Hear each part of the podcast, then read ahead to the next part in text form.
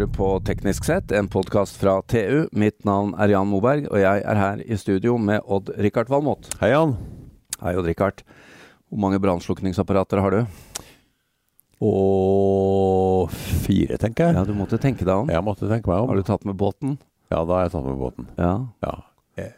Det er mange brannslukningsapparater i, i Norge. Det er veldig mange, tror jeg. Ja. Hvor ofte bytter du de ut? Jeg bytta ut ett, jeg husker ikke, og det er mange år siden. Altså, Det er sjelden du nøler så mye på to spørsmål i Ja, rekkefølge som du gjør nå. Dette her, her er du ikke ansvarlig. De er sikkert for gamle, Jan. Ja, Nei, jeg skal må- ikke snakke om det. Nei, vi må ikke snakke om det. Jeg har et brannslukningsapparat som i hvert fall er 52 år gammelt. Har Så, du? Ja, det, etter dagens samtale, så det skal jeg kvitte meg med. Men altså, det er eh, noen som har regnet på det, at det er eh, ja, kanskje flere enn ti millioner brannslukningsapparater i Norge. Og det byttes ut en million uh, hvert år. Vi importerer 700 000. Og nå skal vi snakke med et selskap som eh, skal automatisere en produksjonslinje for å kunne resirkulere halvparten av det, altså 350 000 i året. Det er jo fantastisk å høre. Det er sirkulærøkonomi de luxe. Da er det bare å introdusere Nils Auli, som er administrerende i selskapet Miljø Norge. Velkommen til oss. Takk for det. Hyggelig å være her. Du hørte at Odd-Rikard nølte litt nå. Dette er, her, er vi ikke på, her er vi ikke sånn at vi er kjappe med svaret. Det var, det, det, det var et stikk av dårlig samvittighet. Ja, Og det er jo gjengs, dessverre, hos, i, hos ja. eh, mange av innbyggerne i dette land.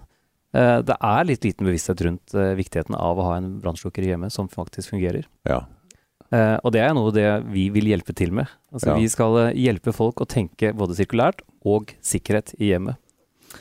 Men, men uh, Nils, ta dette først. Dette, dette virker jo som en utrolig uh, praktisk, logisk, løsbar oppgave. Hvorfor er ikke dette gjort før? Det er faktisk veldig enkelt, som dere sier. Men det er vanskelig i den forstand at det er tidkrevende å gjøre en omsirkulering av en slukker. Altså Man har gjort det i, i, i mannsalder, sikkert. Eh, gått ned til et eh, verksted, liten, stort sett en sånn liten enmannsbedrift eller tomannsbedrift, hvor man da har fått klart å, å gjenfylle eh, disse slukkerne.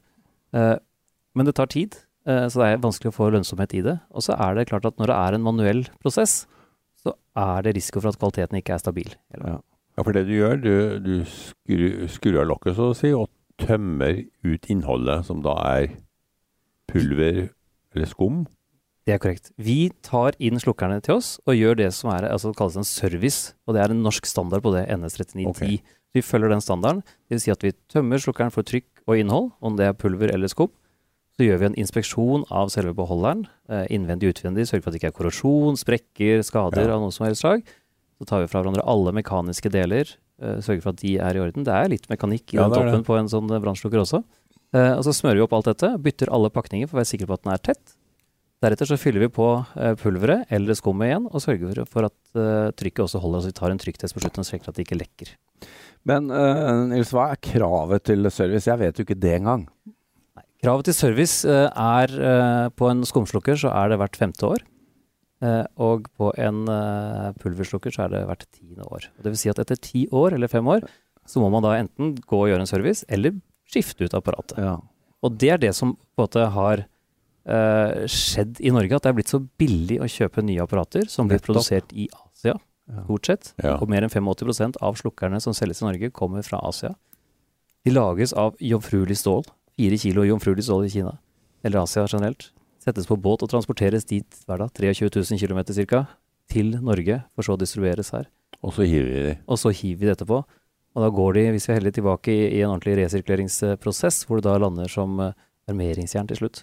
Så det er på en måte sånn stadig nedgradering Ja. av, av eh, Det, produktet. det er jo likevel et resirkulert produkt, da, men det dere gjør, kommer jo til å altså, Har dere regnet på hvor mye det sparer i klimaavtrykk? Vi går jo fra et resirkulert produkt til et ombrukt produkt. Ja. Det vil si at vi bruker ek produktet eksakt slik som det var konstruert. Vi gjør ikke noen endringer på det.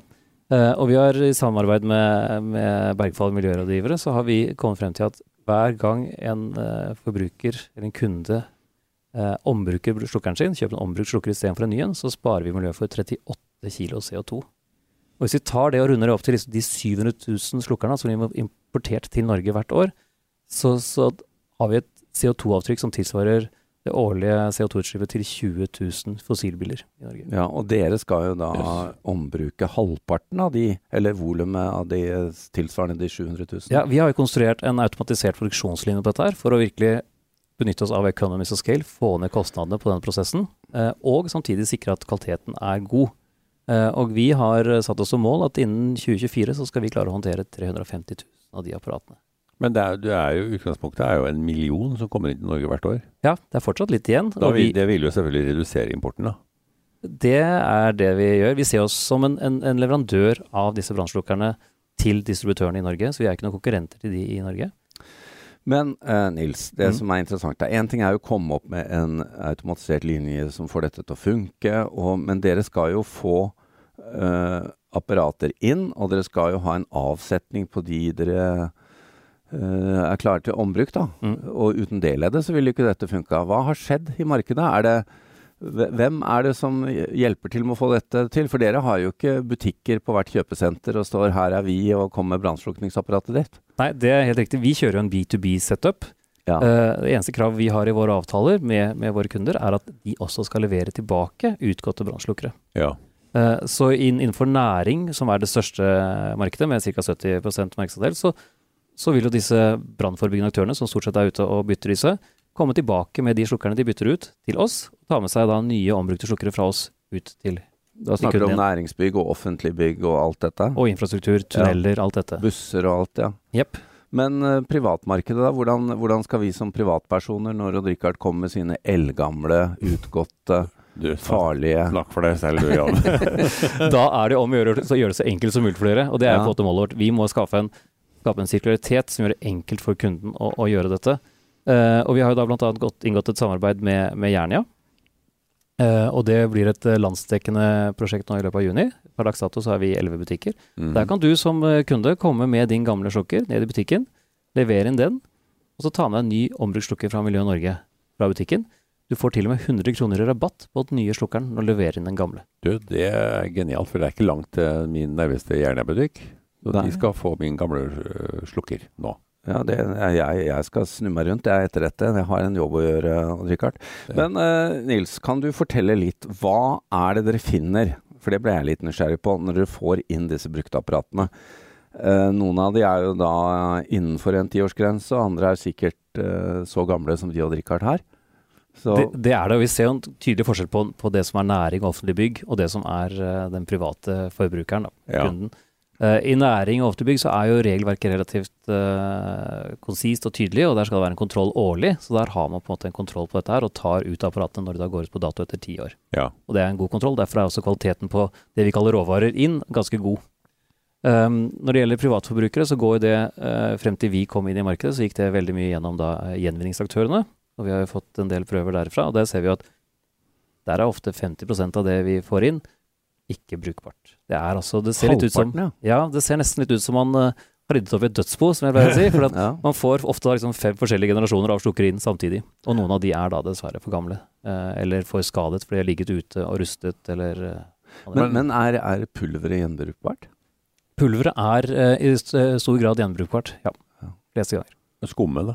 Skummet er ikke gjenbrukbart, og det er egentlig det største miljøutfordringen her også. fordi at uh, dette skummet inneholder uh, fluorforbindelser, oh, ja. Ah, som vi ikke ønsker å ha ut i naturen. Og det er jo langt mer fluorforbindelser i en sånn uh, skumslukker enn i en skismøring, som vi har snakket mye om i det siste. Okay. Men, men altså uh, volum, pulver versus skum, hva er styrkeforholdet? Vi har en fordeling i Norge på en ca. 75% pulver og resten skum. Ja, ja, nettopp. Men Hva skjer med skumapparatet? Blir de gjenfylt med skum, eller blir de konvertert til pulver? Nei, vi, vi kjører en service i dag som gjør at vi, vi opprettholder den klassifiseringen som produsenten har.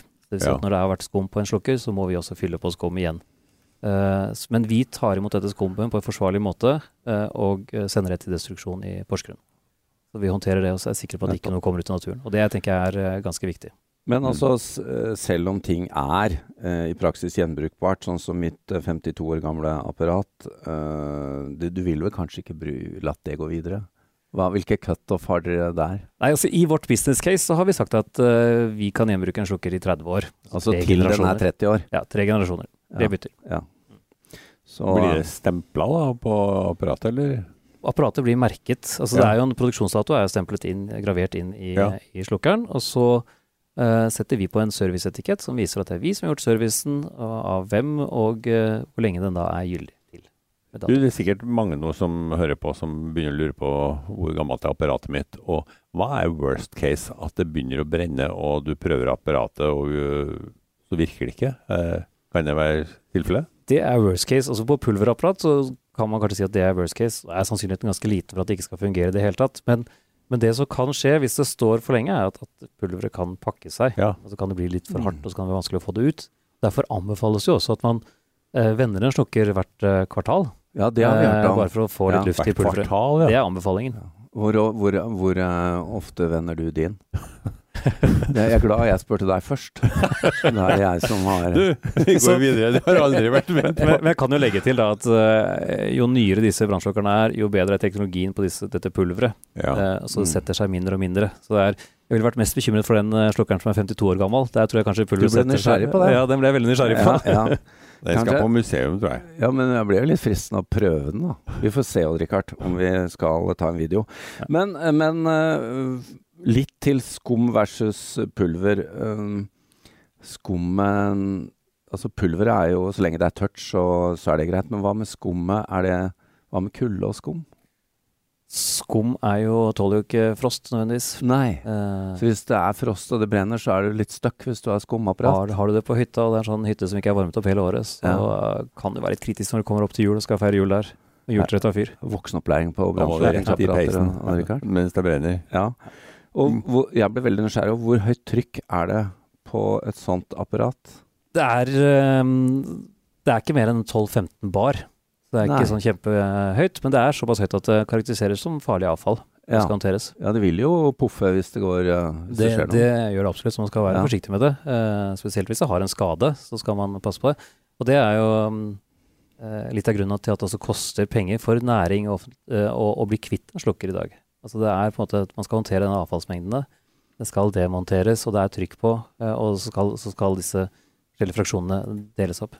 Du, hva, hva, altså, det, det er jo vanlig å levere inn sånne på sånn søppelhåndtering også. Hva, hva skjer med de apparatene? Nei, de blir jo eh, Frem til i dag så har jo de da blitt eh, sendt ut, eller sendt til en spesialist som kan ta disse og dele de opp, altså splitte de opp i sine fraksjoner, for dermed å destruere det som er farlig avfall, gjenvinne stålet og, oh ja, og det, deponere. Da blir det armeringsjern. Da blir det armeringsjern. Det er riktig.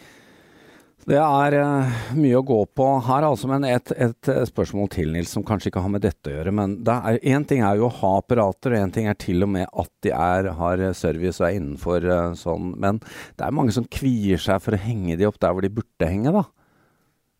Ja, ja. Øh, de er jo ikke nødvendigvis det peneste i et, et hjem. Nei, og Men- Richard syns jo de er flotte, men Ja. Ikke kona.